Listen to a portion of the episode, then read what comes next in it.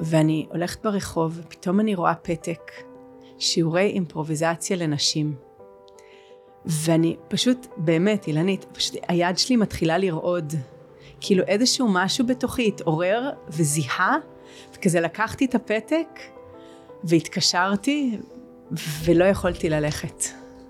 כי זה היה בשעות שהייתי בצבא, הייתי בצבא בתל אביב וזה היה בירושלים. והיא בשיא הסבבה, היא אומרת לי, טוב, אז תלכי לתל אביב למשהו. יש שם, אני לא יודעת על, על אימפרוביזציה, ויש שם קונטקט אימפרוביזציה. אז הלכתי, וזהו, פשוט התאהבתי.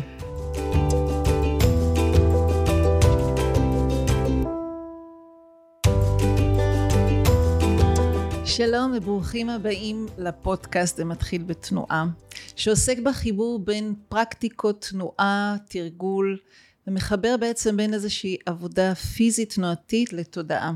בתוך הסתכלות בהקשר גם על דברים פרקטיים וגם על המקום הפילוסופי בהקשר היומיומי, איך זה משפיע עלינו בחיים ביום יום. והפודקאסט כזה נועד ממש לשתף אנשים שמתרגלים בלי סוף את עצמם גם בסטודיו, כמו גם אנשים שרק יקשיבו ואולי ייקחו משהו לחיבור אל עצמם ביום יום. אז אה, אני אילנית אדמו"ר, ואני שמחה היום מאוד מאוד לארח את דניה אלרז. ברוכה הבאה ובוקר טוב, הישר מירושלים אלינו. אה, ולפני שנצלול אני ככה אגיד כמה מילים עלייך ואם אני לא מדייקת במשהו תתקני אותי אז דניה היא ממובילה תחום הקונטקט בישראל בארץ היא מלמדת גם בחו"ל וגם בארץ המתמחה בקונטקט באלתור קבוצתי ותנועה התפתחותית בשיטת ברנטייף ברטנייף. אה, התאמנתי אבל זה לא עזר. ודניה הקימה והובילה את קבוצה לקונטקט, אה, הקבוצה לקונטקט, בית ספר לקונטקט ותנועה בירושלים. היא בוגרת הבית ספר לתיאטרון חזותי, בעלת BA באומנות וחינוך ותעודת somatic educator ומלווה התפתחותית בשיטת של הב. בבקשה, שנאיית את זה מיד נכון. והיא גרה אה, עם תמיר ושלושת ילדיהם אה, אה, שגם היום הפכו למוריה וחבריה החשובים, ועוד על זה נרחיב ונדבר. אז ניקח נשימה אחרי כל ה... אין ספור הדברים הנפלאים שאת עושה, ואיזה יופי שאנחנו נפגשות פה. ואנחנו גם נפגשנו לאורך מלא שנים, זו אפשרות כזאת לזמן מרוכז משותף ביחד. אה, ובין שלל הדברים הנפלאים שאת עושה, וניגע בטח בחלקם, אחד הדברים שאת מדברת זה על ההיסטוריה של הקונטקט. אה, שבאיזשהו שלב בקורונה בזום גם הזמנת אותי לדבר, וחשבתי שיהיה נפלא היום להסתכל על ההיסטוריה שלך. Mm-hmm. זה מחוברת אל תוך ההיסטוריה של ההתפתחות של הקונטקט בארץ. Mm-hmm. ולפני רגע שעוד נצלול ממש, אני רוצה רגע להתחיל ולשאול למי שמכיר קונטקט אימפרוביזציה ולפעמים מסע פה ושם, לאלו שמכירים הרבה ולאלו שפעם ראשונה שומעים, אז מה זה קונטקט אימפרוביזציה? אז אה, קודם כל בוקר טוב ותודה על ההזמנה, מאוד שימח אותי. אני ככה סקרנית לגבי הדברים שאת מביאה בפודקאסט הזה, וממש שמחה להוסיף את הנדבך שלי. אמ, בהרצאה שלי על ההיסטוריה של הקונטקט, אז אני מצטטת כמה אמ, מורים ואיך שהם בזמנו ניסחו מה זה קונטקט, עוד כשהיו פליירים רגילים כאלו. ואני אוהבת להשאיר את הציטוטים מהפליירים. אמ, בעיקר שזה נורא נורא קשה להגדיר מה זה קונטקט, ובגדול אפשר לסכם את זה כאיזשהו תחום מחקר די רחב שעוסק במגע בין שני אנשים, וזה יכול להיות אמ, ביטויים מאוד אקרובטיים של האפשרות הבסיסית הזאת, זה יכול להיות אפשרויות מאוד, אמ, או ביטויים מאוד מדיטטיביים. אמ, יש כאלו שלוקחים את זה גם לטווח של של האינטימיות, אבל פחות. אז הייתי אומרת שזה כאילו די מגיע עד האינטימיות ולא חוצה שם איזשהו גבול. אמ, ו, וכמובן מנסה כל הזמן להישאר בתוך שיח של אילתור כי גם הצדדים האקרובטיים יכולים לקחת בסוף פשוט לאקרובטיקה. אז יש איזה שהם גבולות מאוד מאוד רחבים ואנשי הקונטקט על סוגיהם לאורך חמישים שנה נעים בתוך הטווח הזה. ומבחינתך היום נגיד, אם מישהו שואל אותך מה מעסיק אותך בתוך הקונטקט עכשיו שאת מלמדת בשיעורי קיץ או בקורסים התוכניות שלך? מה הדבר את חושבת שהכי הפוקוס שלך עכשיו כרגע בתקופה הזאתי? כן. אז אמ, אני יכולה להגיד מה אני עושה.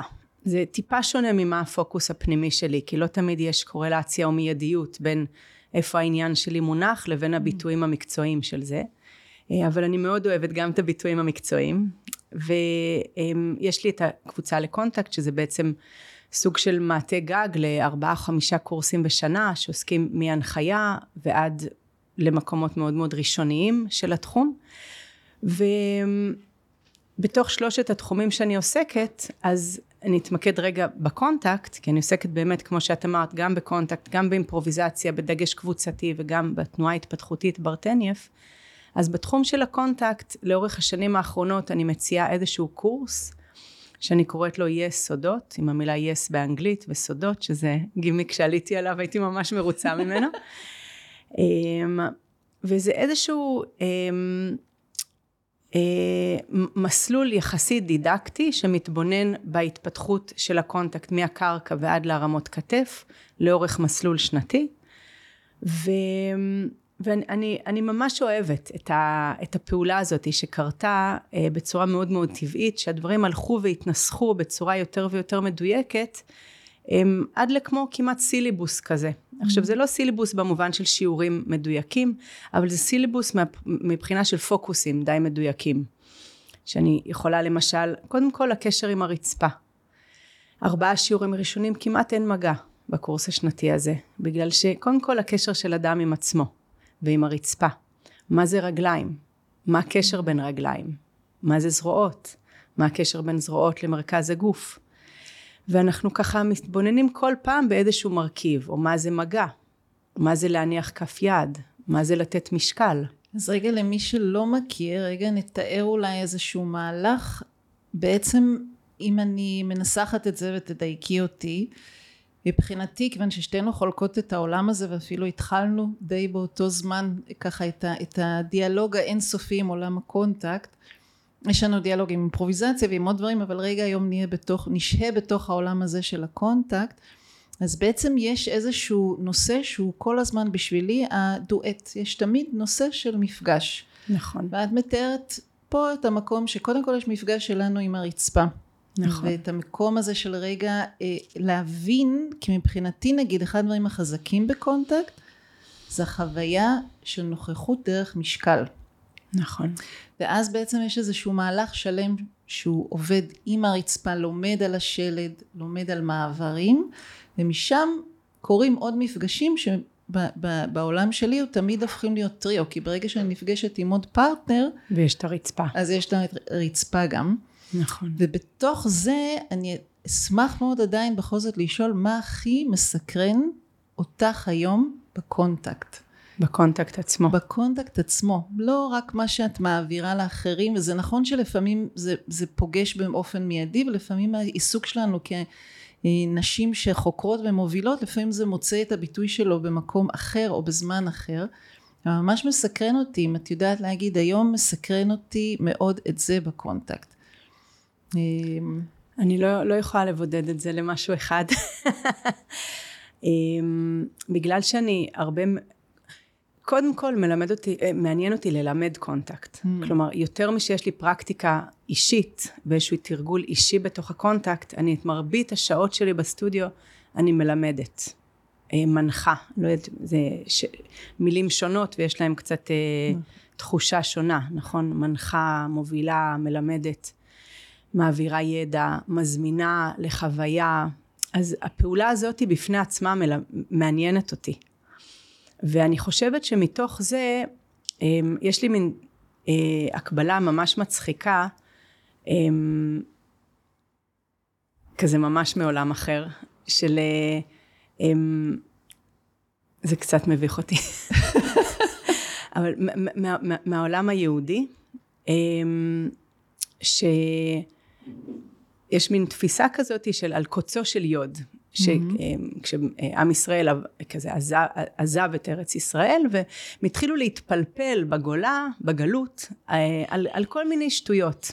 על קוצו של יוד, על אם הכוונה היא בדיוק ככה, או הכוונה היא בדיוק ככה, או בדיוק ככה, וזה קצת היהדות שמתקיימת היום, ומי שלא מסכים איתי, סבבה לגמרי, גם אם זה ממש שטחי, כי זה רק uh, בשביל לקחת מזה משהו. Um, אז לפעמים אני מרגישה שבתור מלמדת את התחום, לפעמים אני יכולה להיתקע על קוצו של יוד. ואני כל כך אוהבת את זה, אני כל כך אוהבת להתבונן בעמידת שש ולהיכנס למלא מלא פרטים על מפרק הירך והקשר לכתף שכמה וכאילו ממש להתעכב על דברים שלפעמים בהקשר הכללי של הזרימה התנועתית וההמשכיות והמקצב שקונטקט גם יכול להגיע אליו והאקרובטיקה זה כאילו בלתי קשור אחד לשני או באמת באמת באמת להיכנס לדקויות של המגע עם הרצפה. ויש לי מין פריבילגיה כזאתי, כי באמת אה, זכיתי לתלמידים או שותפים לדרך מאוד מאוד מאוד אה, סבלנים לפעמים ומוכנים ככה לחלוף איתי דרך הארבעה חמישה שיעורים. של התבוננות מאוד קטנה בדברים כדי להגיע לדברים יותר דינמיים עם איזה חוכמה גופנית אחרת.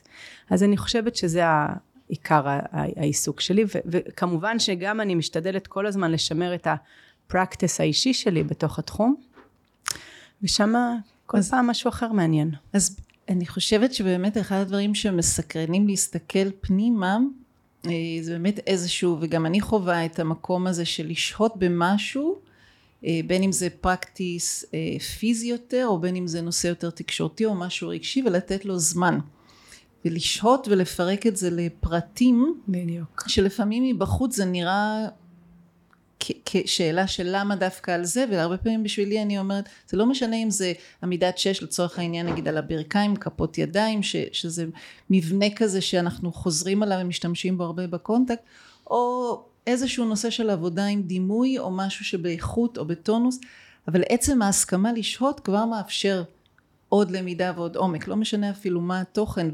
ומלהיות קצת בשיעורים שלך אני באמת תמיד אומרת וואו את ממש לוקחת זמן שזה מדהים ומעורר השראה. אני, אני גם לוקחת זמן ומבחינתי אני לא לוקחת הרבה זמן.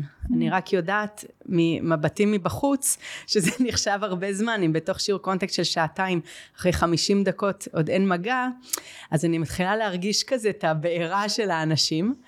ואישית... זה גם תלוי קהלים אני חייבת להגיד. נכון. אבל מבחינתי האישית אין עם זה שום בעיה. אני קודם כל חושבת שאנחנו בדואט קונטקט. כמו שאמרת, ראשית כל עם הרצפה. Mm-hmm. ויש לי סבלנות, אני מסתכלת על תהליכים יחסית ארוכים. אני כבר, רוב האנשים באים אליי לשמונה חודשים, כזה תוכנית שנקראת שנתית, אבל תכלס זה שמונה חודשים. אמ, וכזה אני מסתכלת על זה כ- כנפח זמן שאנחנו נעסוק בו בהכל. נכון. וכזה ש... יש לי הרבה סבלנות בתוך זה. שבכלל לאט לאט, כי אנחנו שהתחלנו ללמד לא היו ניידים. כמו שהזכרת את הפלייר שהתחלנו נכון. כזה לפרסם אותו ו... ועם השנים היום אני אומרת כמעט זה זמן לא אגיד היחיד אבל בין היחידים שאנשים לא נוגעים בניידים ממש, שלהם ורק מדהים. זה כבר איזושהי מתנה אדירה באפשרות רגע להיות בתקשורת עם אנשים לא רק להיכנס למדיטציה לבד אלא להיות בתקשורת בלי שהניידים הם אלו שנוכחים באיזשהו, גם אם זה רק הזמן. בתיק אי שם או על השולחן מונחים הפוכים. והזכרת ככה את המקום של מהלך והתפתחות ואנחנו בעצמנו עברנו מהלך מאוד מאוד ארוך קרוב ורחוק ביחד ורגע נצלול בעצם לנקודה שלך שהכרת את הקונטקט יאללה. והפתעת אותי בשיחה כי אני איכשהו זכרתי אותך מתקופה אחרת ואת אמרת לא זאת קרה עוד לפני הצבא ממש.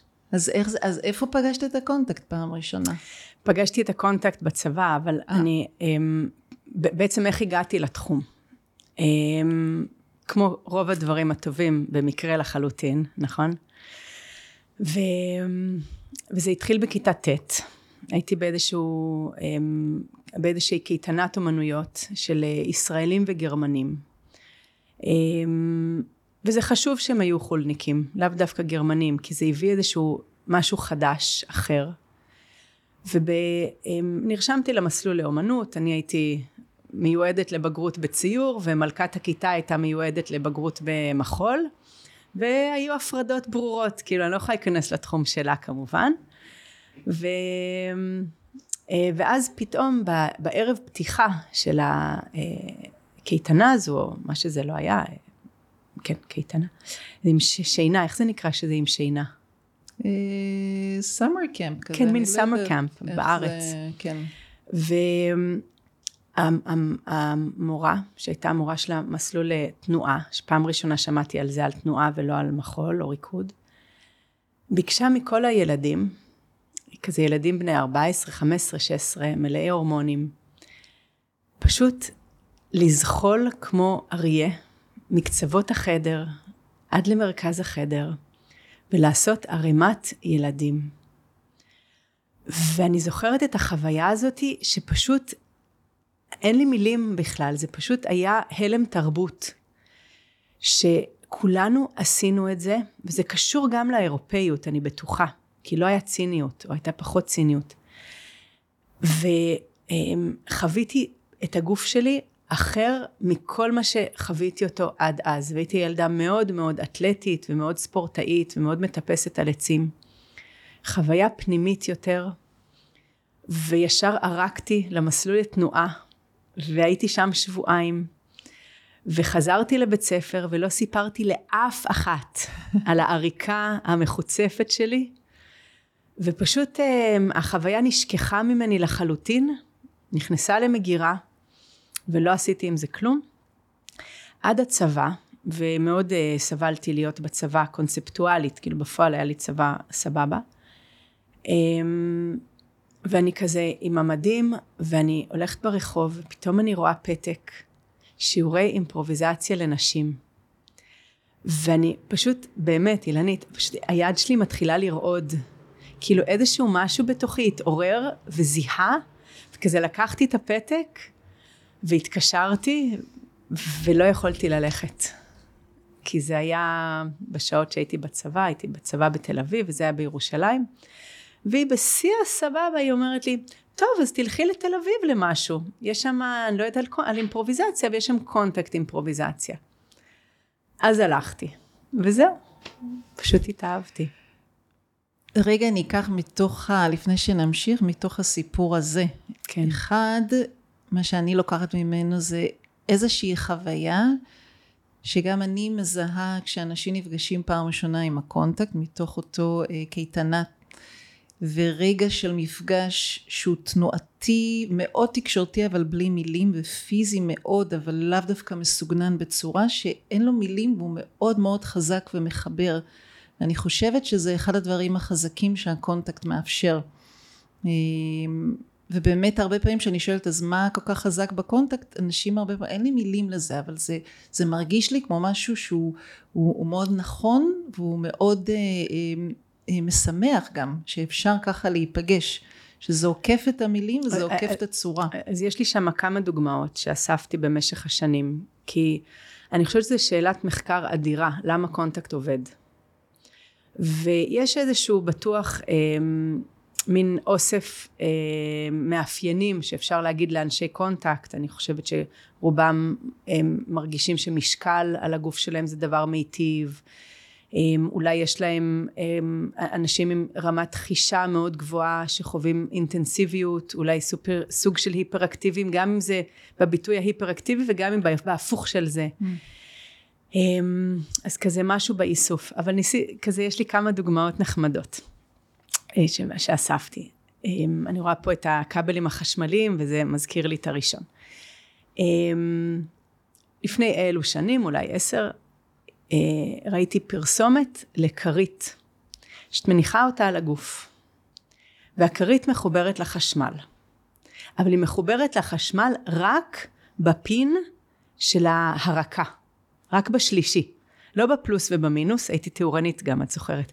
אז אה, לא בפלוס ובמינוס, רק בהערקה. ואז זה פונה לקהל של אנשים שגרים בבניינים ועובדים בבניינים, ואין להם קשר לאדמה, ושמים עליהם את הכרית הזו, וזה עושה להם ערקה, כי זה ממש קשר ישיר, מתכתי, לתוך האדמה. זה לא דימוי, זה אמיתי. אמהמ. ואני כזה, אה, אה, זה מה שאנחנו עושים בקונטקט, הארקה. אוקיי, יופי. ואז עוד, עוד דוגמה. אמ, כלומר, קשר עם האדמה, כי על הקונטקט לא בדקו את זה, אבל בתחומים אחרים בדקו גם מבחינה מחקרית, מדעית, את, ה, את האופן שבו קשר עם אדמה משפיע על הגוף האנושי. אמ, דוגמה אחרת, גם ראיתי בטלוויזיה איזושהי כתבה על אה, חוג משחקים למבוגרים בהרצליה פיתוח. וצילמו, וזה פשוט חבורה של כזה בני 30-40 שמשחקים מחניים ותופסת וכל מיני דברים כאלה. ואני מסתכלת ואני אומרת, אה, ah, זה מה שאנחנו עושים. אנחנו עושים משחקיות. וככה וככה וככה, ואפרופו play, כן? אז כזה, פשוט אני אוספת מתחומים אחרים דוגמאות שכל פעם יש לי כזה, אה, אה, לכן זה עובד, ואני באמת חושבת שזה תחום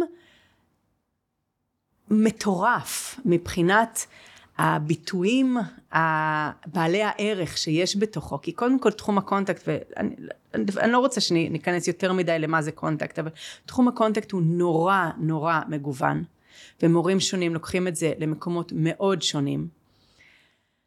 שתכף נחזור לזה, לגיוון, כי דווקא זה מעניין לראות, כיוון שאני ואת היינו בין הנשים היחידות בתחילת הדרך בארץ, היום יש הרבה מאוד מורות, אבל נגיד לפני שלושים שנה, אה, היינו די ככה נשים שהסתכלנו אחת על השנייה, ואיך אמרת, אנחנו אה, נתת פעם איזה ביטוי שאמרת, היינו צריכות להביא הרבה כמו איזה חלוציות של עבודת אדמה כזאת, של חציבה. בולדוזר. בולדוזר.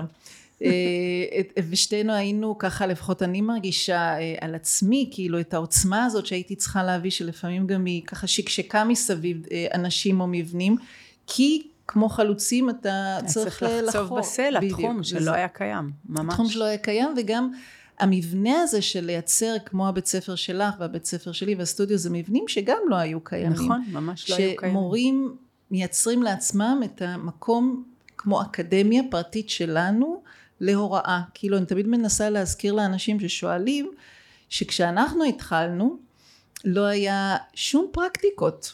זאת אומרת היה את האקדמיה בסמינר הקיבוצים, אקדמיה מוזיקה מחול, בתחום המחול לא היה. בתחום נגיד תיאטרון אז היה, היה ניסן נתיב ויורם לוינשטיין. זה עדיין ו... מקומות מאוד אה, שאתה צריך להתקבל אליהם בדרך כלל.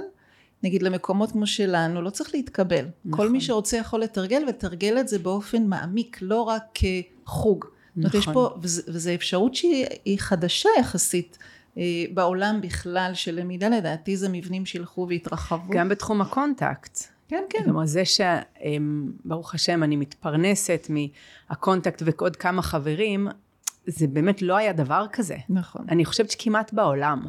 נכון, נכון. אז אה, וכן בתוך כל זה אני, אני, אני דווקא כן ארצה שאני אצלול כי זה מאוד מעניין לשמוע נקודת מבט שאולי גם שאנחנו חולקות חלק וחלק מסתכלות עליה אחרת על המהלך המדהים שקרה פה בארץ מזה שאריה אה, בורשטיין שאת למדת אצלו ואני הופעתי איתו ועבדתי איתו שניסינו לאסוף איזשהו קומץ אנשים לעשות לעצמנו כמה ימים בצפון אה, ואספנו גג איזה שלושים איש שעסקו בזה באופן מהותי ורצו לפנות חמישי שיש שבת לתרגל עד למקום שכמעט כל שבת יש ג'ם ויש לא פסטיבל ענק ועמותה שקיימת כבר 25 שנה ואנשים שבאים מחו"ל ופסטיבלים שקורים בחו"ל זאת אומרת זה, זה הפך להיות משהו מאוד רחב. אבל רגע אני רוצה לחזור עוד פעם אלייך כן. ולמסלול שלך ובאמת הזכרת תאורנית ורגע נקודת החיבור שלנו שאנחנו נפגשנו שאני בזמנו אז הופעתי במה שהיום הפך הזירה הבינתחומית ואז היה במה ואת היית בה אה, בינתחומי וגם היית תאורנית ו, ואני זוכרת את המקום ה multitasking שלך מולטי דיסציפלינרי שעושה גם וגם וגם ואת המפגש הזה ואז את ה... מבחינתי היית מחוברת להרבה כיוונים אומנותיים שונים כולל ערנות פוליטית מאוד, כולל הרבה שיח על, אמ, על החברה ולא רק כאילו על האומנות אלא אומנות אומנית וחברה. ואז היה איזושהי צלילה אל תוך הקונטקט. וזה מסקרן אותי שם איך, איך קרה הרגע הזה שאמרת הנה זה זה או שאולי כמו שאותי שואלים אני אומרת אני לא בחרתי זה כאילו קרה. כן. אמ, אז איך מתוך המפגש הזה הרב תחומי לתוך המקום הזה של הקונטקט. אחלה, אני אשמח. אמ, אז מבחינת הביוגרפיה, אז אה, כל מה שאת אומרת הוא נכון, ובאמת אה, אה, אני חושבת שזה כן מתחיל קודם, גם עם זה שבעצם פגשתי איזשהו משהו בגיל 15 ואחר כך בגיל 19 בצבא את הקונטקט. אבל אני גם גדלתי בירושלים ולאימא שלי היה סטודיו לאומנות בבניין של החזותי ועוד בתיכון כשהייתי בבגרות בתיאטרון אה, סימנתי לי או ידעתי או חשבתי או דמיינתי שאני אלמד בחזותי. ויש בי משהו מאוד אקלקטי ומאוד רב תחומי במהות. זה אין לזה כל כך הרבה ביטויים בעשור האחרון לפחות אם לא יותר אפילו אבל זה הרגיש לי מאוד טבעי ללכת לחזותי כי אמ, עשיתי בגרות בתיאטרון ובגרות בציור וכל השנים כתבתי וכאילו איך אני יכולה לבחור רק אחד מהם? זה, זה הרגיש לי דבר אה, ממש אה, לחתוך חלק מעצמי והתרבות וה, דיברה כל הזמן על הצורך לבחור וכאילו שיש לי בעיה יש בי בעיה שאני לא יכולה לבחור. ו... ו, וניצלתי כי כל הזמן ידעתי שקיים החזותי עכשיו בין אם אני הייתי לומדת שם או לא, רק זה שיש מקום שהוא כבר קיים, שהוא מנרמל בין תחומיות, הוא, יש לזה מילה. זה. אפילו לא רב תחומיות, זה בין תחומיות או רב תחומיות, כאילו הם אומרים בין תחומי, אבל זה לא שאני מפוצלת בין הרבה, זה, זה אני, אני, אני כוללת בתוכי את כל הדברים האלו. אז אמ, כשהלכתי ללמוד שם, זה כבר היה אחרי כמה שנים אצל אריה, והמקום של להגיע בתור חיילת לאריה, לסמינר הקיבוצים, אריה בורשטיין הוא בעצם אה, המורה הכי, אה, אני חושבת שהראשון הוא הראשון שמלמד ברצף מאז תחילת שנות התשעים בסמינר הקיבוצים עד עכשיו. אמ, כן חשוב לי להגיד שכשאני אה, פגשתי אז היה גם, הייתה אהובה קורן נכון. שהיא לימדה בירושלים וגם אצלה ככה הגעתי לאיזה פרק זמן מכובד. וגם אה, עדי שאל, גם עשה מוורטיגו, איזושהי וריאציה קצת אחרת. אבל אריה באמת נהיה אה, כמו הבית כנסת שלי, לא אריה, אלא השיעור שלו. והייתי מגיעה לשם כל יום רביעי, והייתי נוסעת שעתיים באוטובוס, נמצאת בשיעור שעתיים, וחוזרת שעתיים הביתה, ולא הייתי מוותרת על זה. רציתי להגיד שהייתי מגיעה כזה בתור חיילת, אה, בהתחלה, עוד לפני ה... חזרתי לירושלים וזה היה שעתיים, בתור חיילת זה היה פחות זמן נסיעה, וכזה הולכת מהר מהר לשירותים, מחליפה בגדים, וכאילו חוזרת לעצמי. וגם היה בשבילי משהו כל כך עם קונפליקט אה, ערכי או עקרוני בין החיילות שבי לבין הקונטקט, וממש היה לי קשה, הייתי צריכה להסתיר את החלק הזה. ו... ואז למרות שמאוד אה, החוויה של הקונטקט הייתה משנת חיים, ממש משנת חיים, כלומר אם נדבר על זה אני מאוד אשמח על איזה סוג של אה, ערכים השתנו, איזה סוג של תפיסות השתנו אצלי אה, בעקבות המפגש עם הקונטקט. בכל זאת הלכתי לחזותי, זה מה שהיה כתוב לי בלוז, ואני מאוד שמחה על זה. אה, ארבע שנים ביליתי שם, ולמדתי גם להיות תאורנית, ועסקתי בזה אחר כך כמעט עשר שנים. מאוד התפתחתי בתחום התאורה, והייתי תאורנית של אנסמבל בת שבע כמה שנים, וכזה, לצורך העניין כאילו הצלחתי, אבל הבנתי שזה לא סוג החיים שאני רוצה, וכל הזמן המשכתי עם הקונטקט.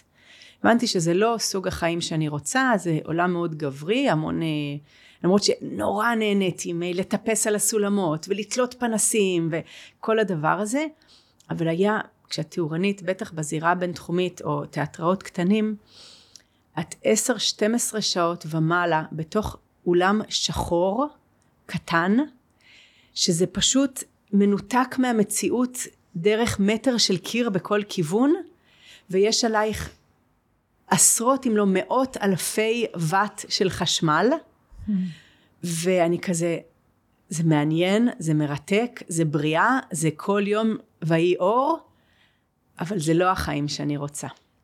ואז היה לי, אה, אה, אה, קיבלתי ברכה. והמברך שלי היה עמנואל גריבה, שהוא um, היה מתארח אצלי בבית כשהוא היה מגיע, ויום אחד הוא אמר לי, עוד שנה, במקום ללמד, אה, אה, לעבוד הרבה בתאורה וקצת בקונטקט, הוא לא אמר אני מברך אותך, אבל הוא כאילו סתם דמיין משהו. כן, זה לא ו... הסטייל שלו להגיד אני מברך אותך. ממש לא. ואני ממש קיבלתי את זה כברכה, הוא אמר לי, את תעשי הרבה קונטקט וקצת תאורה. אז נגיד שעמנואל הוא יוצר כוריאוגרף שהוא גם היה מטפס הרים או מטפס טפסן כזה אה, צרפתי שהגיע לאיזה תקופה לארץ גם אני עבדתי איתו ובקורן היא גם מישהי שעבדתי איתה והיא מורה נפלאה ורגע עכשיו שאני מקשיבה לך אני כן קולטת שיש משהו שחוזר. גם אמרת שהיית כילדה מטפסת הרבה ומאוד אקטיבית גם הקונטקט הוא כמובן הרבה שינוי גבהים, הזכרנו את הרצפה או לטפס על מישהו בין אם זה גבוה על הכתף או רק בעמידת שש על הגב או בכלל שינוי גובה או נושא וגם עכשיו נכון. בתאורה שעלית וירדת אז ממש. כל דבר יש לך כאילו שינוי גובה. אני ממש הרגשתי שזה המקום שאני באה אליו מהקונטקט הוא הילדה שמטפסת עצים זה לא הילדה שהלכה לחוג בלט וסבלה מכל רגע. Mm-hmm. ו- ובתוך זה באמת בואי רגע נצלול אל תוך המקום של איך הקונטקט ומה הקונטקט שינה בך. בהסתכלות ואולי גם עם דוגמאות מתוך מה, מה הדברים שאת אומרת הנה בזכות התרגול האינסופי הזה שהוא כל הזמן גם משתנה משהו גם משתנה בחיים. כן. אז אמ, מכיוון שאני כבר אמ, אני בת 48 ופגשתי את הקונטקט בגיל 19 אבל אני זוכרת, כלומר מאז קרו, קרו כל, כבר כל כך הרבה דברים דרך הקונטקט, אבל אני מאוד נהנית לחזור להתחלה הזאתי. ו... ויש לי כמה אה, תמות עיקריות. אחת היא סביב המרכז של הגוף, ה center. שארי היה ממש חוזר על המילה הזאת כמו מנטרה כזאת, איפה ה center, איפה ה center, איפה ה center. ואני הייתי ילדה מאוד אקזיסטנציאליסטית. היינו כזה בתיכון, היינו חווים כל, נכנסים לשיחות פילוסופיות אם אנחנו קיימים או לא קיימים, ואולי הכל חלום, והיינו קוראים טקסטים בסגנון הזה, היינו אינטליגנטים מאוד. ופשוט יש לי center. זה נשמע כל כך טריוויאלי, אבל זה היה משנה חיים. אבל בואי רגע נפרק את זה, כי מי שמקשיב ומעולם לא ראה אפילו שיעור קונטקט, לדוגמה, כן. או לא חווה, זה מאוד מופשט. אז גם אם יש לך... זהו, שזה לא מופשט, כי אני, אני אנסה ב... להגיד למה. כן, אבל כי... גם לפרק לאיזה דוגמה, נגיד אולי מאיזה תרגיל, או מה זה אומר לך ברגע מסוים בחיים יש לי center. אוקיי, אז אני, אני אחזור ל center, ואני אגיד רגע לפני כן משהו עוד יותר אולי.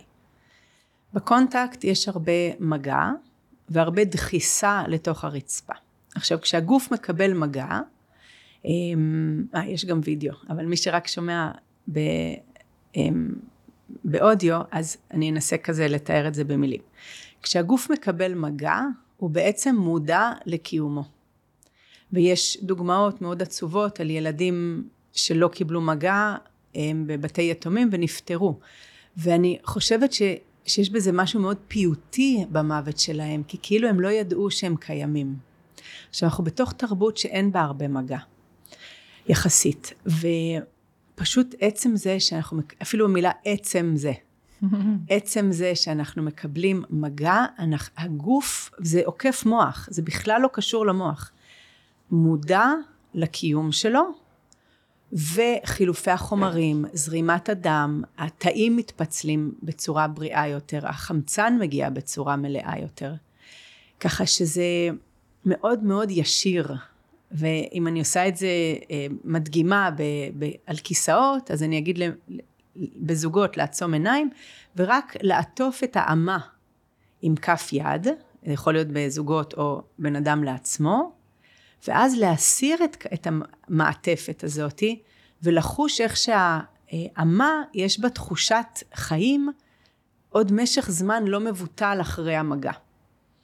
אז אם נחזור לילדה האקזיסטנציאלית הזו, ששואלת אם היא קיימת או לא, ואז היא מקבלת מגע, והיא ברמה ממש ממש גופנית מקבלת ודאות שהיא קיימת. חזק. ומה המקום שלי בעולם? זאת הייתה שאלה שליוותה אותי ואני שומעת אותה מצעירים שבאים אליי, מה המקום שלי, האם יש לי מקום בעולם? ואני זוכרת את עצמי כותבת, איפה שאני, אף אחד אחר לא יכול להיות. ברמה הפיזית, אף אחד אחר לא יכול להיות. אי אפשר לדרוס אותי, אי אפשר לבטל אותי, אי אפשר, כל הדברים האלה אפשר ברמה הרגשית. אבל ברמה של הקונקרטי, אי אפשר.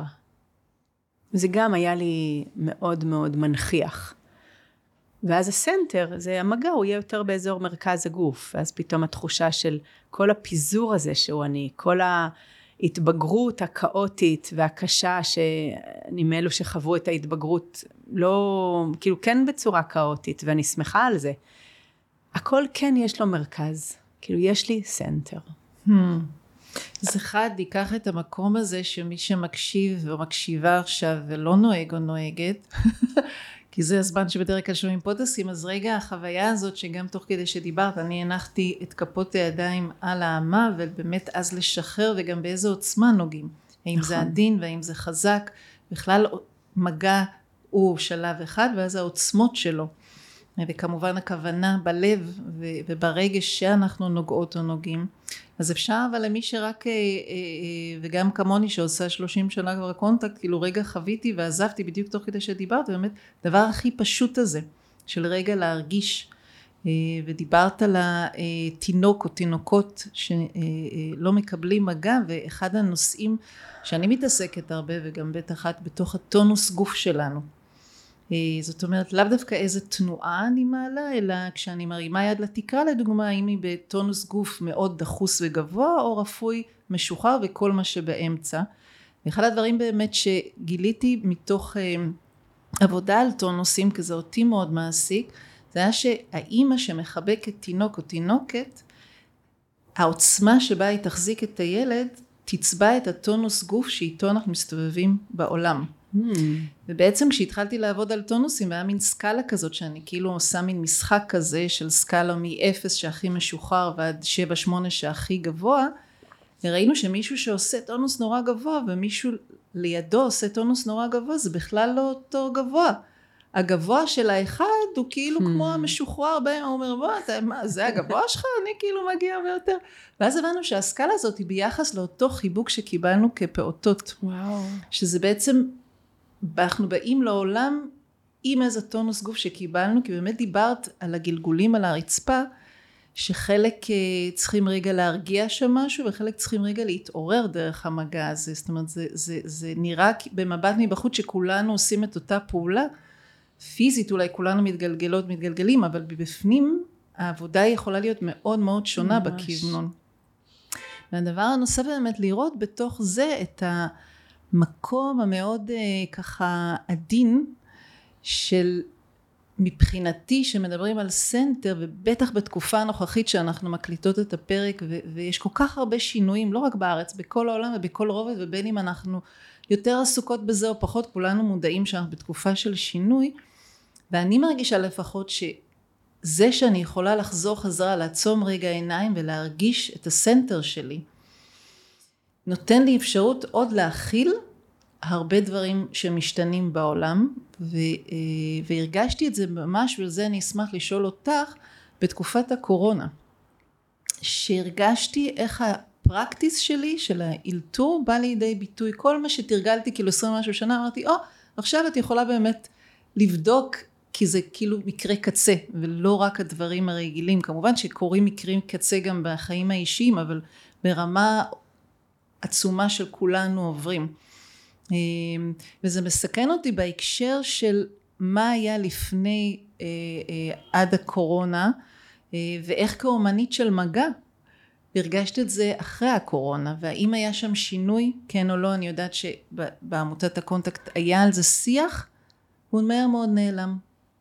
כאילו זה עורר אותנו למשהו עמותת הקונטקט הישראלית והרגשתי שלא באמת נשאלו השאלות עד הסוף לפחות בחוויה שלי ובסטודיו אצלי זה היה מדהים כי אני המשכתי הרבה ללמד מי שרצה הגיע מי שלא לא הרבה גם מאוד בזום וזה אצלי אין כל הזמן מגע וזה היה בהיר שלקח זמן עד שאנשים חזרו לגעת אז מסקרן אותי לשמוע איך זה, אם בכלל חווית את זה כמשהו משמעותי, או שהרגשת שלא, זה עבר ככה. אמ, אני לא חוויתי את הקורונה באופן כללי.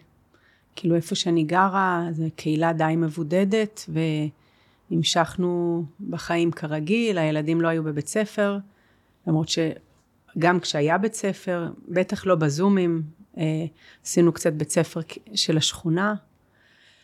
והמשכתי ללמד. נסעת לירושלים ללמד? כן, האמת היא שהסטודיו שלי נסגר, וחבר טוב אה, היה לו סטודיו קטנצ'יק בבית, ועשיתי שיעורים של עשרה אנשים, 12 אנשים. אז המשכת כר, כרגיל. כן, ההרגשה שלי הייתה מאוד טובה. גם שלי מאוד... הייתה מאוד טובה, אבל עדיין העולם השתנה. נכון, אבל הרבה אנשים סבלו, ואת זה לא כל כך כן. חוויתי. הרגשתי שהיכולות האלתור שלי, אמ, אני לא נשענת עליהם שם. דווקא היציבות שלי, אה, אני נשענת עליה שם. קצת הבולדוזר. אז כזה, אין סטודיו, אבל ממשיכים ללמד. כאילו, מה אני אעשה אם אני לא אלמד? וגם בשבילי הסטודיו זה מרחב של שפיות, ככה, שזה היציבות שלי. וזה זה, זה גם, זה, זה מחשבה מעניינת, שיש את המשפט הזה שהקבוע היחיד הוא המשתנה. או וריאציות של זה, אז כאילו הדבר הכי יציב בחיים שלי זה המחקר התנועתי המשונה הזה שנקרא קונטקט או אלתור או מה שזה לא יהיה, והוא גם משתנה כל הזמן, כי אני לאורך גם 30 שנה עוסקת בזה אחרת כל הזמן. נכון.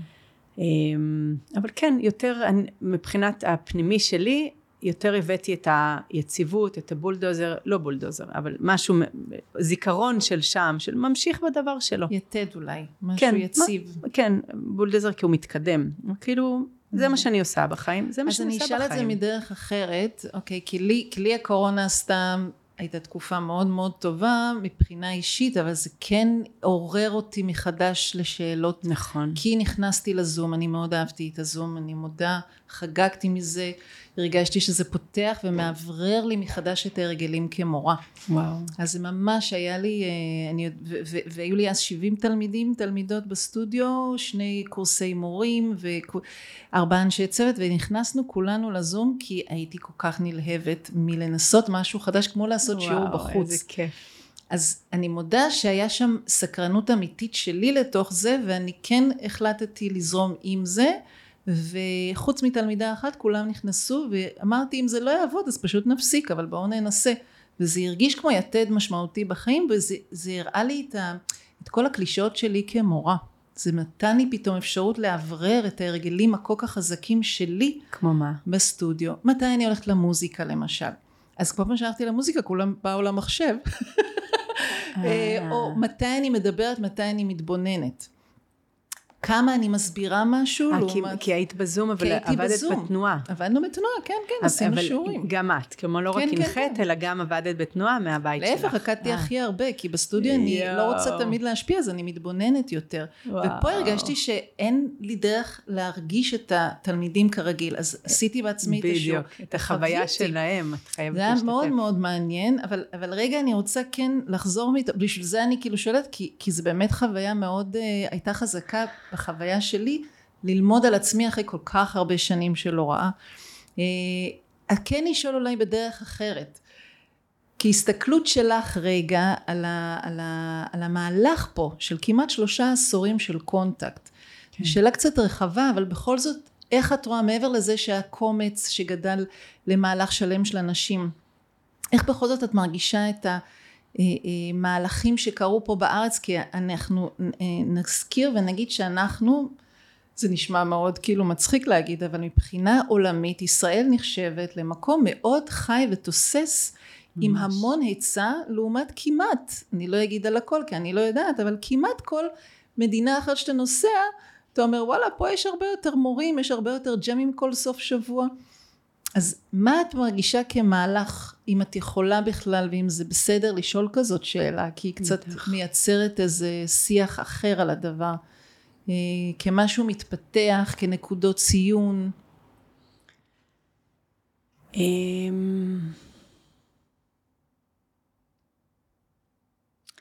אז המבט שלי הוא טיפה אה, מפוקסל, בגלל שבעשור האחרון מאוד התרחקתי מהעשייה, אה, מעבר לעשייה שלי, בגלל שמאוד כזה נכנסתי לעניין המשפחה, וילדתי וגידלתי שלושה ילדים, מגדלת, ילדתי אבל מגדלת שלושה ילדים אינטנסיביים, חמודים, חיים ותנועתיים. ו... ואני ממש מסת, מסתכלת בסקרנות מאוד מאוד גדולה ובהפתעה. הרבה דברים השתנו. אמ, צורת, הפרס... צורת הפרסום או צורת התקשורת לפני המפגש בסטודיו. בעצם לפני שמישהו מגיע לסטודיו כבר יש מערך שלם של תקשורת. אז אם הזכרתי בהתחלה את הפליירים, הרבה מהתלמידים הכי ותיקים שלי אוהבים לספר על הרגע שהם פגשו את הפלייר שלי. ואיפה? כאילו זה היה בנוקטורנו, זה היה בזה, זה היה בזה. ואני הייתי הולכת ברחוב ותולה פליירים ומדברת עם אנשים ומספרת את הבשורה, אז הייתי מאוד כזאת דלוקה על העניין. אמ, וזה הכל הפך להיות דרך האינטרנט. אבל... Hmm. אמ, אני לא, אני זו שאלה כללית ואני אה, לא יודעת מאיפה כזה להיכנס אליה או איזה קו לעקוב אחריו לאורך השנים.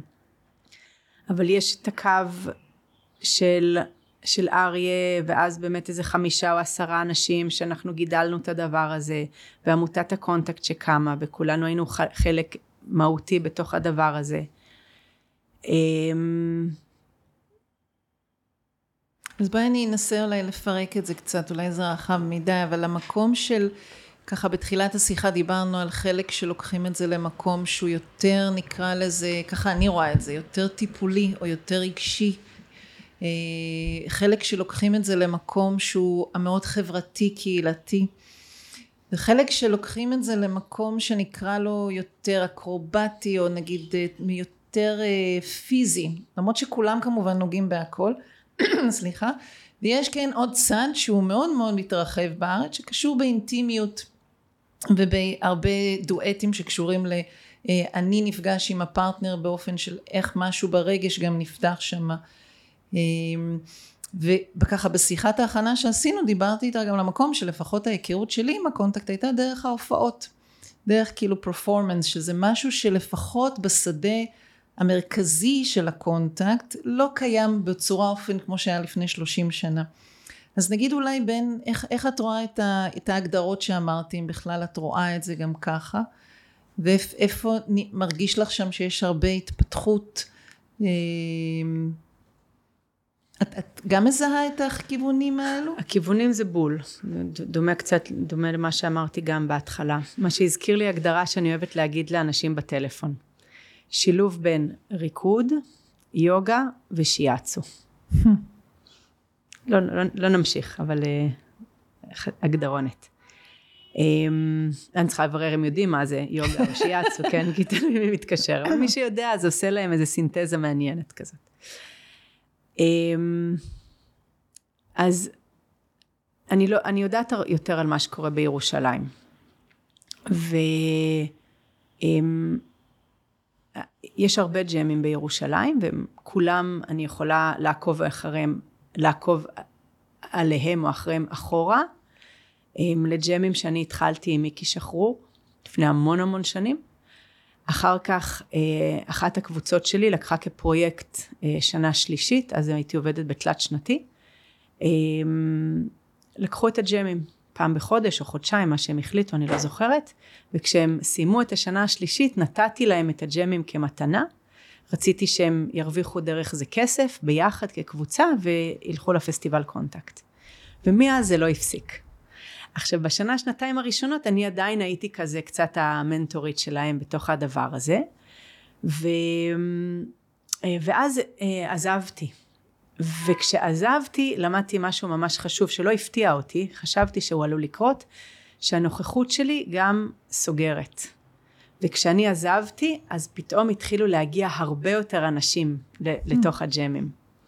אז זאת הייתה התפתחות שרא... שאני ממש אה, זוכרת אותה מאוד חזק. אבל לרגע נגיד ג'ם, כי אנחנו חוזרות בטח. ואומרות את זה, ובעצם ג'ם זה איזשהו מבנה אני ככה מגדירה ג'ם.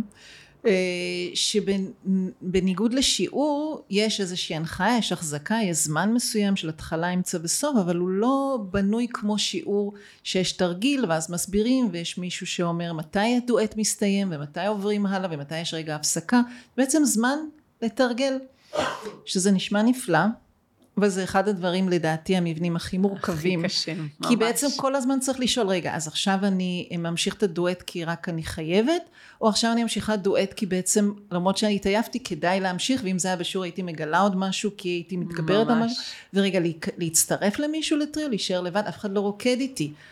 כולם חושבים את אותן מחשבות, ואתה מרגיש לגמרי או מרגישה לבד בתוך זה. ובו זמנית זה מאוד השתרש כמבנה חזק ואפילו עד כדי כך אני כן רגע אחזור למקום אני אגיד משהו על איך אני רואה את הקונטקט mm-hmm. כי באמת אני מרגישה שחלק מהמבנה המאוד אה, בעיניי שהיה נלווה לתוך הלמידה זאת אומרת היה את העיקר שהיה השיעורים ואז אתה גם באיזשהו שלב אומר יאללה אני, אני אצא קצת יותר לעולם אני אלך לג'מים ובחוויה שלי הג'מים תפסו המון מקום בארץ נכון. וזה יש בזה מקום מקסים כי הוא נותן להרבה אנשים גם מקום להיפגש, זה גם מקום חברתי שהוא מאוד חשוב, קהילתי. המקום הנוסף הוא באמת שאפשר אה, אה, אה, לתרגל את עצמי בכל מיני מקומות ולחוות את כל המנעד הרחב של הרגשות. המקום האחר שהוא לפעמים עוקף גם למידה באמת של יסודות כמו שאת אמרת רגע לקחת ארבעה שיעורים רק ללמוד על רצפה רגע ולפעמים הוא עוקף גם שם משהו ואני כן מרגישה שיש משהו בתוך עולם הקונטקט, לפחות בחוויה שלי גם דיברנו לפני שההקלטה התחילה, שבחוויה שלי הקהל רחב הרבה יותר מגיע, ויש כן איזושהי פתיחות יותר גדולה ממה שהיה פעם לגילאים שונים להגיע, למקום שמוכן להתנסות, לאו דווקא תמיד כולם נשארים, וכל טכניקה היא לא תמיד בשביל כולם for life כזה. אה, כן אני מרגישה שיש איזו פתיחות, אני כן הרגשתי שה... קורונה גם יצרה איזשהו מהלך של אפילו איזה צמא אחר כך למקום הזה, למגע, אולי למפגש. אמ, וכן אני מרגישה שיש איזשהו, אמ, אמ, יש צד שהוא הוא כאילו בגלל שאני גם רואה כל מיני רקדנים שמגיעים מחו"ל, יש פה משהו שהוא מאוד, אה, מאוד נשאר בתוך התקשורת, מאוד נשאר בתוך מקום, כאילו אני אפילו אגיד, אה, לא יודעת אם playfulness, אבל יש איזו איכות כזאת פה, שהיא, אני רואה רקדנים מאירופה, אני מרגישה שם משהו אחר לפעמים, או רקדנים אמריקאי, קונטקט, אנשי מוברים. אה, ואני רוצה לפני, כי אנחנו ככה מתקדמות בתוך השיח, ובעצם אני רוצה רגע להעביר אותנו, לעשות מין shift אל תוך המקום שלך כאימא. ואיך, אה, אם דיברנו ככה בתוך הפודקאסט הזה על המקום בין ה practice לבין התרגול לבין המקום של היומיום. כן. אה, והזכרת את המשפחה ואת הילדים. ובאמת אני אשמח שתשתפי איך זה התרגול שלך של 30 שנה בסטודיו ובאיזה אופן הוא כן מחלחל לתוך, אה, לתוך ההורות להיות אימא, בת זוג, או מה שתבחרי מתוך זה לשתף. כן. אמ, אז זה מאוד מעניין אותי, הדבר הזה. אמ, יש שם הרבה שבירה של איזה דימוי שהיה לי מראש. על אימהות. כן, לא, לא על אימהות, על איזה מין אימא אני אהיה, mm. בתור מורה לקונטקט, כאילו, אה, איז, איזה מציאות הילדים שלי יחוו ביום יום שלהם. אז כאילו יכולתי לדמיין שאני גרה בקהילה של רקדנים וכל היום אנחנו רק רוקדים וזה מה שהילדים שלי סופגים. ו, והחיים שלי הם, הם, הם לא ככה. וחיים אני חיה בקהילה מקסימה והילדים שלי חווים ממש אה, מציאות מצוינת. אבל ש, ש, ש, שהגוף והריקוד הם לא ביום יום אמ, ועדיין אני מרגישה שהאימהות שלי וגם אה, הזוגיות שלי מאוד ניזונה מה, מה, מהשיעורים, מה, מה, מהשיעורים לחיים שאני לומדת בסטודיו. אמ, היה לי קורס אחד שקראתי לו קונטקט כלים לחיים. ואז אה, עזבתי את השם הזה כי הוא הרגיש לי נורא יומרני. אבל אני באמת עומדת מאחוריו, פשוט מבחינת כשם. אבל באמת יש שם המון המון המון כלים לחיים. וכשפגשתי את תמיר, אז אמ, הרגע... אה, כזה הייתי צוחקת ואומרת שהוא המאלתר האולטימטיבי. כי הוא באמת בן אדם שכל יום קם אחר. עכשיו זה יכול לשגע אותי לחיות איתו, כן? אבל זה גם ממש מקסים, וממש הרגשתי שתחום האלתור פשוט נתן לי סייף זון שם, שאני יכולה ממש להעריך את זה, ויכולה להתבונן בזה, לפעמים להתבלבל מזה, אבל להבין ש, שבמובנים עמוקים הוא עושה את מה שאני אה, מלמדת את עצמי ואת האחרים כל השנים. אה, ובתוך האימהות זה היה מאוד מאוד חזק לי, אני חושבת שככה יש לי כמה דוגמאות, אם את רוצה שאני אספר דוגמאות ספציפיות? כן, כן, אמרת לי גם איזה משפט נורא חזק, ש, שהרבה נש, נשים סביבך אמרו שהאימהות תהיה המקום המפתח. כן, בדיוק. ובשבילך? אז, אז אני הרבה שומעת סביבי משפט כזה, שהוא... אמ, שבזכות הילדים, שהילדים, שבאימהות הכי התפתחתי, שהאימהות הכי פיתחה אותי. וזה תמיד ממש ממש מבאס אותי כזה להודות בפניהן ובפני עצמי שאני בכלל לא מרגישה שהאימהות פיתחה אותי במובן הזה. כלומר ברור שהיא פיתחה אותי אבל להפך אני מרגישה שהסטודיו פיתח אותי והגעתי לאימהות או שכל פעם אני מביאה לאימהות שיעורים שלמדתי בסטודיו. אני לא צריכה ללמוד אותם באימהות כי אני כבר למדתי אותם באיזשהו מובן למשל אמ, שהייה, או למשל כשדברים לא קורים בקצב של סתם התארגנות בוקר, נכון? אחד המקומות הכי מאתגרים לאימהות, ונדמה לי, ופעם פעם ניסחתי לעצמי איזשהו אתגר חיים, וזה היה, התפללתי, הלוואי, הלוואי, הלוואי, שאני, יהיה לי, כשאני אהיה גדולה, שאני, אם אני מאחרת למקומות, אני לא אכנס למתח. כאילו שאני יכולה להיות בפקק, ופשוט להגיד, אני מה זה מצטערת, אבל אני פשוט בפקק, ולא, אין בוס שכועס עליי, אין זה. ובאמת התלמידים שלי יודעים איפה המפתח, ולפעמים אם אני מאחרת בחמש או עשר דקות, הם פותחים את הסטודיו, פותחים את פינת הקפה ונשכבים על הרצפה. וגם באימהות. אוקיי, אז הילד אמור להגיע בשמונה, ואני בשמונה ועשרה צריכה לנסוע לסטודיו, אבל קורית התרחשות, קורית התרחשות שהיא יותר משמעותית כרגע. הצורך הרגשי של הילד עוד לא להיפרד ממני, או, ה, או הקושי סביב איזה סנדוויץ' אנחנו נכין, או לתת זמן לדברים. זה ממש ממש חד משמעי תובנות ותבונה שקיבלתי מהסטודיו. אמ, משחקים, סדר וארגון. אני אף פעם לא הייתי טובה בזה, באמת, באמת, באמת, באמת. אני כל הזמן מלמדת אנשים שמותר להם לא לסיים משהו. מותר להם להיות באיזושהי דואט, ואז פתאום בא משהו ולוקח לי את תשומת הלב, ואני פשוט הולך אחרי שימת הלב שלי. אני יכול לחזור למה שעשיתי. אני יכול רגע לעצור ולהגיד פשוט די. אני יכול להרשות לעצמי להשתנות, פתאום להיות מהיר ואחר כך להיות איטי ולשחק עם הדברים. אז בתוך האימהות שלי, אני משחקת עם הילד שלי בציור, ואנחנו ממש ממש שוקעים לתוך הציור. ופתאום איזה צליל או איזה משהו, יש לי גם ילד מאוד מאוד, אה, אה, אה, גם היפראקטיבי, גם ענייני קשב, מאוד בקלות התשומת לב שלו הולכת למקום אחר. ואני כל כך נהנית ללכת איתו למקום האחר. אז אחרי שלוש ארבע שעות אנחנו משאירים מאחורינו פזורה של משחקים ופעילויות. ולי זה נראה כזה, איזה יופי שאני יכולתי לעקוב עם הילד שלי אחרי הסקרנות שלו, ואיזה מתנה אני חושבת שאני נותנת לו.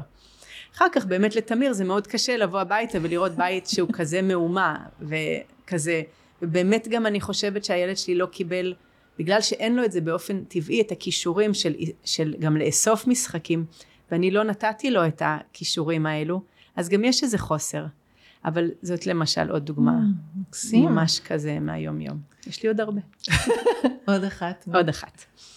אמ, אוקיי, אז קודם כל, מעיין שבאמת יש לו אה, עניין של היפראקטיביות וויסות, אז אה, זה רק דוגמונת. שבעצם לא, לא הייתי צריכה, לא הרגשתי שאני צריכה ללכת לטיפולים חיצוניים, כי אני יודעת איך לתת לו מגע, זה מאוד, מאוד הבית שלי, אני נותנת לו מגע ואני עובדת איתו, נגיד הוא קופץ עליי וזה קופץ עליי מאוד חזק, אני מדברת על ילד בן של, שנתיים, שלוש, ארבע, היום הוא כבר בן 11, כן, כאילו, היי מעיין של פעם.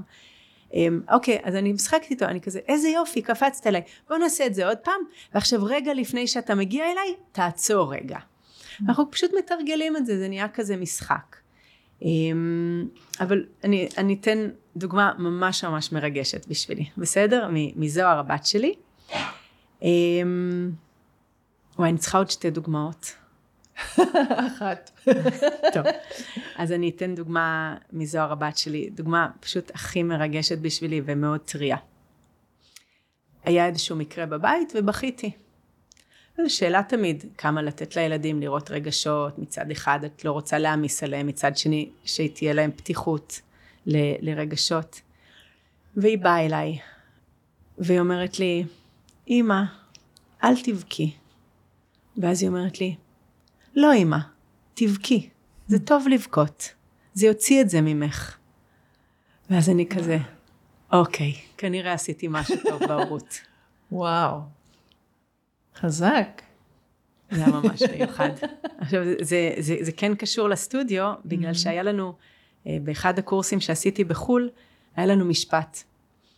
מתי בפעם האחרונה עזרת למישהי לבכות?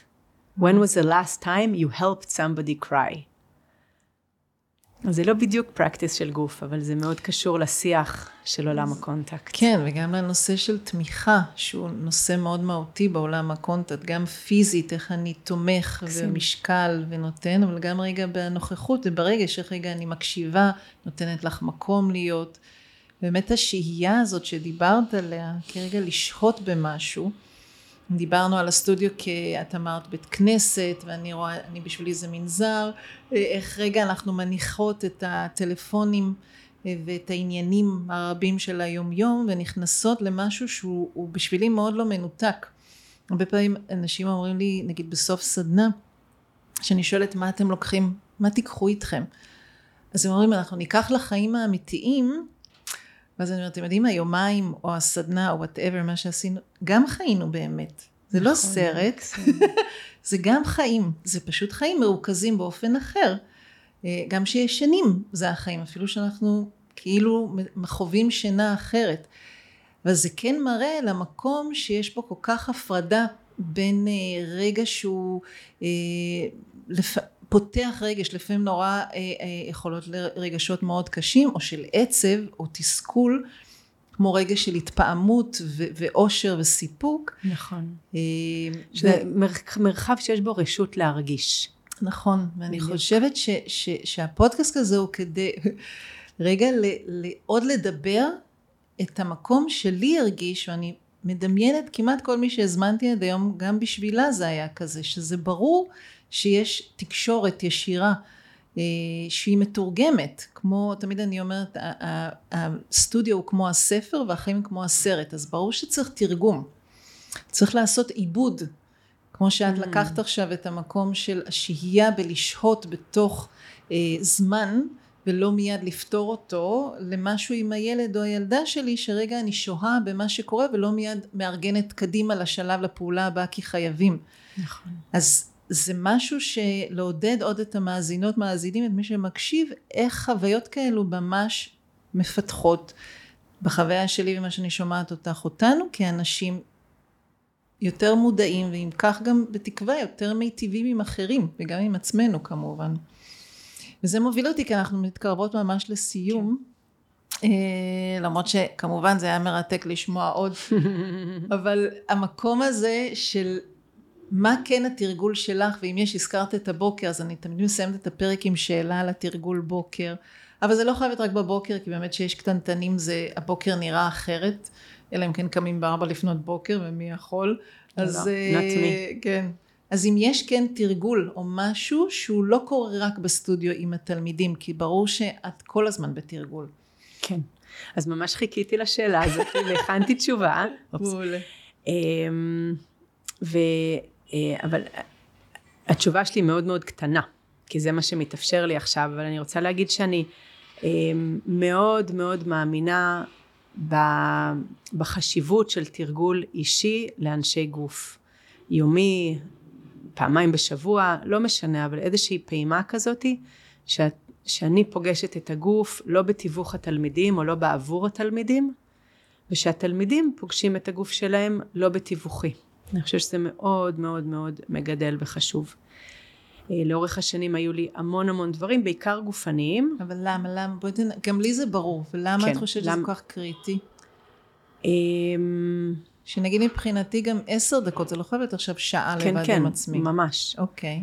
אמ, אני חושבת שאני פוזלת למקומות שבהם תרגול אישי זה הדבר, כאילו למדיטציה, ליוגה. וכשחיפשתי, אה, היה לי קורס אחד שכל התלמידים בעצם התבקשו לעשות תרגול אה, אישי, ואנחנו אה, בנינו לכל אחד תרגול אישי אחר, mm-hmm. לפי האיכות שהם מעוניינים לזמן לחיים שלהם באותה תקופה. אם זה היה אני רוצה יותר ביטחון, אז איזה תרגול גופני בונה לי, או אם אני רוצה יותר רכות, או כאילו להתחכך בדבר הזה. אני לא יודעת איך להסביר למה. אוקיי. זה פשוט כזה self-explanatory, זה פשוט נעשה ונשמע. תעשו את זה קצת, ואז אתם תגידו. כן, זה מקשיב, זה בשבילי, ממה שאת אומרת, אני חושבת שזה קשור לרגע אה, בחוויה, כמו שאת אמרת, אני שחררתי את הג'ם, אני שחררתי, אה, אני שחררתי כמה וכמה קבוצות שהמשיכו לעבוד לבד. אני חושבת שהמקום שמוביל לפחות אותי, אני חושבת שגם אותך, זה שכמורות אנחנו יודעות להוביל טוב, וגם אנחנו רוצות מתישהו שיהיה אפשרות לתרגל גם לבד, שזה לא מאוד, תלוי המורה. מאוד. אז, אז בלי התיווך הזמן הזה מחזק, נראה לי. נכון, אמ, בדיוק, שזה שלכם. אני נתתי לכם דברים, ועכשיו הם שלכם. כאילו תהיו איתם קצת, לא, כזה. בכל מקרה, התרגול שלי הוא נורא נורא נורא קטן כרגע, ואני כל כך שמחה בו. אני עושה ברכת שמש אחת. היא יכולה לקחת עשר שניות, היא יכולה לקחת כמה דקות, אם זה כמה דקות אולי כבר אני אעשה שתיים או שלוש ואני אוסיף. אבל זה נשמע כל כך מעט, אבל זה הרגע הזה, ואני משתדל שזה יהיה בבוקר, ואני מצטטת לעצמי מאיזשהו אמ, מישהו ששמעתי פעם אומר, אני לא זוכרת מי זה היה, I don't negotiate with myself about it. הוא דיבר על דברים הרבה יותר מרשימים, אבל בשבילי, ברכת שמש אחת, אני צריכה להילחם עליה בשיניים. הילדים שלי מתעוררים לפניי, אני כזה צריכה לפלס זמן ומקום לעשות את הדבר הזה, אפילו עשר שניות, יש לי את הרגע הזה שאני אומרת כן. וואו. רגע אחד של כן ביום בדיוק. הוא משמעותי. וזה גם מצטבר, כי אם יש 360 ימים ואני לא מצליחה כל יום בסוף לעשות, אני נגיד עושה ארבע פעמים בשבוע, אז זה עדיין יוצא איזה 250 ברכות שמש בשנה, שזה כבר לא סכום, זה לא מבוטל. מקסים, אהבתי. אז דני, קודם כל תודה, גם על הדרך שלנו כל השנים ביחד. ממש. ש... אה, אני חייבת להגיד, כן. שממש רציתי מתישהו להגיד, בבקשה, ש... אמ, שתמיד ראיתי בך קצת כמו האחות הגדולה שלי. וזה ממש, אה, כזה אני ממש רואה את אותך ואת הדרך שלך, והאחות הגדולה שלפעמים כזה, אני הולכת בדרכה, לפעמים לומדת ממנה ועושה שונה ממנה, וכל הזמן, באמת, איזה יחסים מרחוק, מאוד אינטימיים, ותודה לך. נכון, אז, אז לא ידעתי שאני האחות הגדולה. ואני אני גם אומרת אה, תודה על הדרך, כי אנחנו, אנחנו לא המון מדברות לאורך השנים, אבל זה מין ידיעה כזאת שאת נוכחת ואני נוכחת, ובכל רגע אפשר להרים טלפון ולהתייעץ מה שקורה לנו מדי פעם, או לשתף משהו. תמיד זה שיחת עומק, ותמיד משהו בניסוח שלך, אני אומרת, אה, ah, מעניין, איזה יופי, הסתכלתי על זה כאילו גם, אבל הייתי אומרת את זה אחרת, וזה זה, זה מתנה. וגם לברך אותנו, אם אנחנו בברכות, על זה ששרדנו את המקצוע. כשתי נשים פה, לא נכנסנו אל השיח הזה היום, אבל אה, מתישהו פעם ניכנס אליו אולי בזמן אחר, באמת להיות נשים בתוך מערך שהוא ברובו היה, היה אחר. ממה שהוא היום, וטוב שהוא נפתח נכון. לכל כך הרבה עוד מורות נפלאות שהצטרפו. ולאחל לך שתמשיכי להפיץ עוד את, את ה, גם את השקט, גם את האור, גם את ה playfulness, את החוכמה, את כל האפשרויות האלו שאת פותחת בפני אנשים. לא דיברנו על הופעות. נכון, אה, לא נגענו בזה בכלל. לא הספקנו לגעת בזה, אבל בסדר, שיהיו דברים להמשך. אז תודה נכון. רבה. תודה רבה אילנית, בהצלחה.